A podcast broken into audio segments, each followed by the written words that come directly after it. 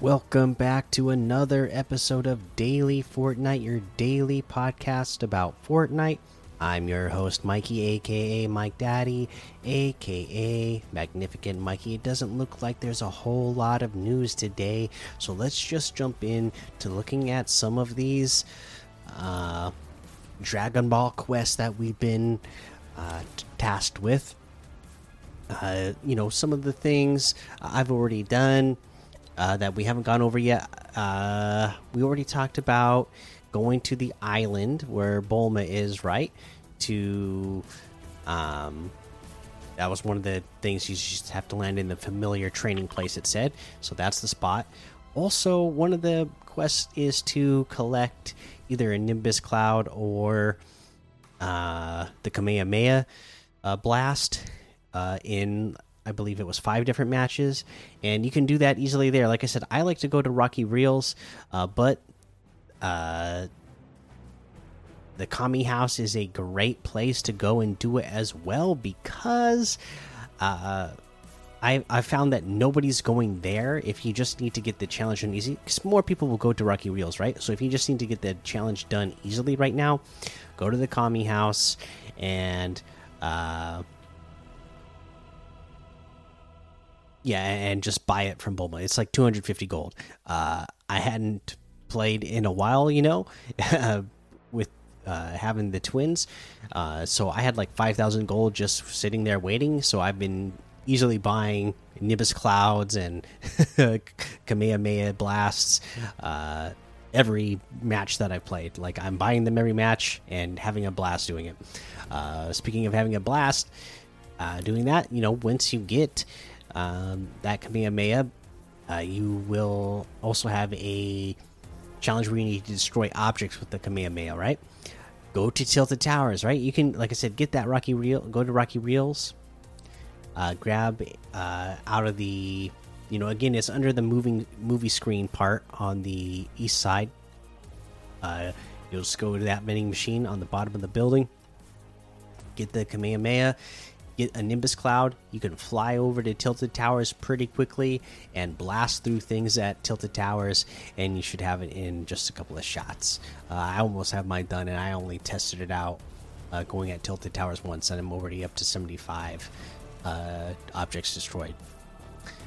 Uh, you know, watch Dragon Ball Super and Dragon Ball Super Episode Festival. Pretty self explanatory. Go to that Discover tab and do one of the Dragon Ball uh, discover uh, maps that they have right now. And yeah, I mean it's uh, pretty pretty easy to get all that first stage done. So uh, go get that done, and we'll go over the other, you know, the sparring, the strength, the agility, uh, endurance training, focus training.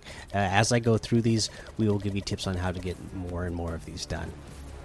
Uh, for now, let's go ahead and take a look at the LTMs that we have in the game right now that we can play.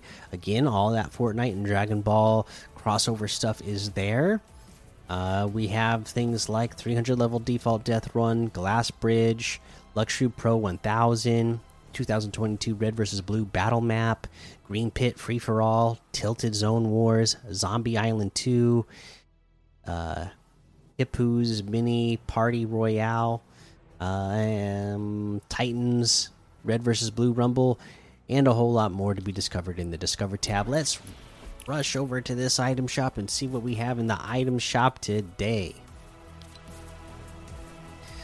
Okay, of course, we still have all of our Dragon Ball items in here.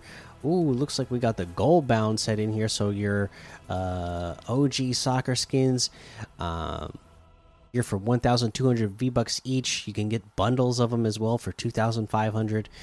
Uh, you have the Vuvuzela harvesting tool for 800, Goldbound glider for 500, the Kickups emote for 500, the red card emote for 200, the Elite Cleat harvesting tool for 500.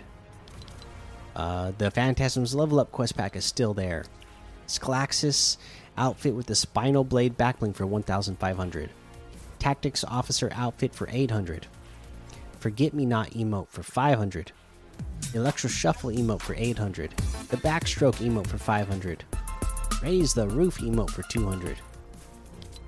Uh, the Mecha Team Leader bundle has the Combo Cleavers, Mecha Team Wrap, Team Mech Emote, Team Monster Emote, the Mecha Team Leader outfit, the Jet Set Backbling, and the Turbocharge built-in emote. This is 1,100 V-Bucks off. Uh, for me, I'm getting at a total of 400 because I already own the outfit and the backbling and emote. So, yeah, pretty good stuff there. Uh, separately, the Mecha Team Leader outfit with the Jet Set backbling and turbocharged emote is 1,600.